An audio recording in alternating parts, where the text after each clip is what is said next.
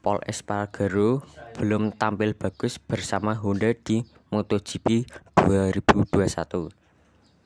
Selepas jeda musim, pabrikan Jepang itu diharapkan memberi banyak perubahan pada motor. Dalam 9 seri di MotoGP 2021, Paul Espargaro tak bisa meraih hasil maksimal.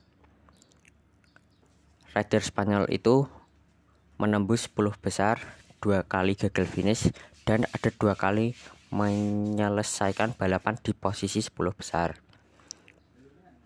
Paul Espargaro kini ada di posisi ke-12 klasmen MotoGP 2021 dengan raihan poin 41 poin.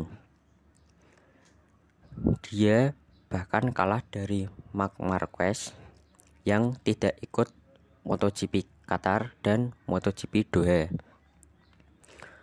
Baby Alien alias Marc Marquez membubukkan 50 poin.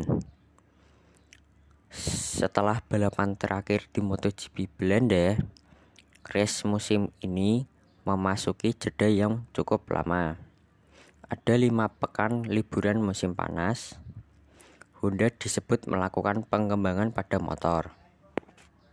Espargaro menegaskan ada banyak hal yang dicoba pada motor. Dia berharap ada banyak hal baru, tapi tapi jelas ada jeda lima pekan.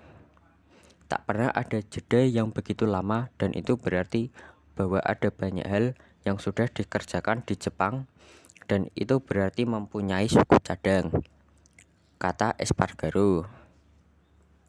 Suku cadang Bagaimana kami akan memilikinya? Kapan? Itu kami tidak tahu.